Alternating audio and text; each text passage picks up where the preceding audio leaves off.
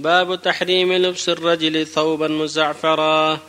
عن أنس رضي الله عنه قال نهى النبي صلى الله عليه وسلم أن يتزعفر الرجل. متفق عليه. وعن عبد الله بن عمرو بن العاص رضي الله عنهما قال رأى النبي صلى الله عليه وسلم علي ثوبين معصفرين. فقال أمك أمرتك بهذا؟ قلت أغسلهما قال بل أحرقهما. وفي رواية فقال إن هذا من ثياب الكفار فلا تلبسها. رواه مسلم. باب النهي عن صمت يوم إلى الليل. عن علي رضي الله عنه قال حفظت عن رسول الله صلى الله عليه وسلم لا يتم بعد احتلام ولا صمات يوم إلى الليل. رواه أبو داود بإسناد حسن. وعن قيس بن أبي حازم قال دخل أبو بكر الصديق رضي الله عنه على امرأة من أحمس يقال لها زينب فرآها لا تتكلم؟ فقال ما لها لا تتكلم. فقالوا حجت مصمتة. فقال لها تكلمي فإن هذا لا يحل هذا من عمل الجاهلية. فتكلمت. رواه البخاري. وبالله التوفيق الحمد لله صلى الله وسلم على رسول الله وعلى آله وأصحابه. أما بعد الحديثان السابقان يدلان على أن الرجل لا يتزعفر ولا يلبس الثياب المزعفرة والمعصفرة لأن هذا من زي النساء وزي الكفار. ولهذا قال لعبد الله بن عمرو أمك أمرتك بهذا إنه من زي الكفار. فالمؤمن يحذر الألبسة التي تشابه النساء والبسها والألبسة التي تشابه الكفار. فالتزعفر من شأن من شأن النساء.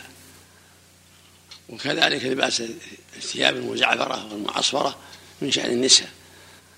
وربما لبسها بعض الكفرة أيضا. فلهذا قال صلى الله عليه وسلم إنها من زي الكفار. في اللفظ قال أمك أمرتك بهذا. فدل على أن المؤمن يتجنب ملابس الكفرة وملابس النساء. الرجل لا يتشبه بالنساء ولا بالكفرة. ولا يلبس الثياب المزعفرة والمعصفرة. ولكن يلبس الثياب الأخرى بيضاء سوداء حمراء خضراء صفراء لكن بغير الصفر وبغير الزعفران. وكذلك هذه الآخر يدل على أنه لا يجوز التعبد بالصمت إلى الليل. الإنسان يتكلم بعض الجاهلية ينذرون أن يصمتوا إلى الليل لا يتكلمون. هذا غلط. فلا يجوز. بل يتكلم الإنسان. التعبد بالصمت إلى الليل غلط لكن يتكلم بذكر الله كل أخوة أهل يصل لسانه عما لا ينبغي ويتكلم. يقول النبي صلى الله عليه وسلم من كان يؤمن بالله واليوم فليقول خيرا أو ليصمت. يتكلم بخير أو ليصمت. أما أن يمسك عن الكلام يتعبد هذا بدعة. تعبد بترك الكلام الليل إلى الليل هذا بدعة. والمؤمن يتكلم يذكر الله يحدث أصحابه يتكلم مع إخوانه. يسلم يرد السلام يشمت العاطس. ولهذا أنكر النبي على هذه المرأة كرى أبو النبي صلى الله عليه وسلم. لا يسمى بعد احتلام ولا صمات إلى الليل. متى بلغ الصغير الذي ليس له أب زال عنه اليتم. سمى يتيم ما دام صغيرا وأبوه ميت يسمى يتيم. فإذا بلغ الحلم ما عاد يسمى يتيم بلغ استقل صار رجلا. ولا يجوز التعبد بالصمت إلى الليل. إنما التعبد بالصمت عما لا ينبغي. يصمت عن الكلام الفاحش عن الغيبة والنميمة. لكن يتكلم بذكر الله برد السلام بدأ بالسلام التحدث مع إخوانه مع أهله. هذا هو المشروع. والله المستعان وفق الله جميعا. الله إليك من أصفر هو الأصفر؟ نعم. هو هو هو هو. هو الأصفر. نعم. أحسن الله إليك. النهي خاص بالتزعفر بالمعصفر والزعفران أما لو لبس ثوبا أحمر قانت. النبي لبس الأحمر ولبس الأسود ولبس الأخضر. لكن هذا الأصفر يشبه الزعفران كالمعصفر. كثير بالنسبة لا أخبر أنه من زي النساء ومن زي الكفرة أحسن الثياب الآن المصبوغة الآن العادية. الآن تكتب من اللي تكون نسف لونها أصفر. يلبسها الرجل؟ إذا كان مو من زي الكفار ولا من زي النساء ما في بأس. بالنسبة للثياب هو مع الزعفر لا. بالنسبة للثياب الأحمر المصمت الأحمر لا بأس به لكن إذا كان قاني, قاني مرة تركها ولا إذا أما إذا كان في خطوط فلا إشكال فلا العمل. مثل الشماغ هذه مخلوطة فيها بياض وفيها حمر. قولكم أحسن الله اليك بالنسبة للسكوت أثناء الطعام هل يعتبر أحسن الله لا ما في بأس لا المقصود كونه يتعبد بالصمت إلى الليل يرى عبادة من عمل الجاهلية. بالنسبة للثياب يا شيخ في بعض الأقمشة يصنعونها من الحرير.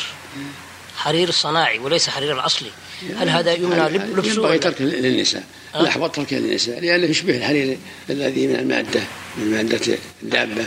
نعم. إيه. لا في تركها الرجل يكون المرأة أولى به ولا ما يصير محرم من جنس. الحرير الذي على أحسن الله إليك. قلتم حفظكم الله ان ان أن الأحمر ترك الأحمر إذا كان ص- مصمت الدليل على فيه جاء في بعض الروايات النهي عن عن الأحمر الغاني يعني الشديد الحمرة اللي ما في خلط المرة اللي بعض أهلهم كرهه ولكن النبي صلى الله عليه وسلم ثبت أن لبس الأحمر ولبس الحلة الحمراء عليه الصلاة والسلام. الأمر فيه واسع. بعض الناس يحتجوا بهذا الحديث. يقولون لا لا يجوز آه، لبس ال- الشماغ. لأنه. يقول يغل- يغلب عليه الحمار. لا جهل هذا جهل أبو جهل. جزاك الله خير. إشماغ مخلوطة نعم. إشماغ مخلوطة جزاك الله خير. الملابس الرياضية يا شيخ أليست من لبس الكفار؟ وش فيه؟ يعني هل يجوز لبسها؟ لا يجوز التشبه بالكفار. متشبه بقوم لابد يغير الملابس على وجه لا يكون مشابها فيها طيب الكفار حديث- سواء في اللعب والمسابقة أو في غير ذلك. طيب حديث اتزروا وتسروا صحيح يا شيخ؟ السروال من لباس المسلمين. والإزار من لباس المسلمين؟ ما في بأس. لكن الزي الذي يختص بالكفار الزي اللي يختص بهم لا يسبهم. إذا كان زي خاص لهم. أما إذا كان مشترك ما يضر. حتى ولو انتشر عند المسلمين. إذا اشترى بين لا ما عاد يسب ما عاد يسبون إذا بين المسلمين ما شيء. البنطال يكون مشترك؟ مثل مثل السيارة هذا. ركوب السيارة مو مو مشترك. البنطال يكون مشترك؟ ركوب السيارة ركوب الطائرة. لا بأس به. لأنه صار مشتركا بين الجميع. اللي بلغنا البنطال ما هم هم اللي لباس المسلمين. لا إذا لبسها المسلمون وصار مشترك زالت الكراهة. الكراهة تكون في الزي اللي يختص بالكفار. هذا اللي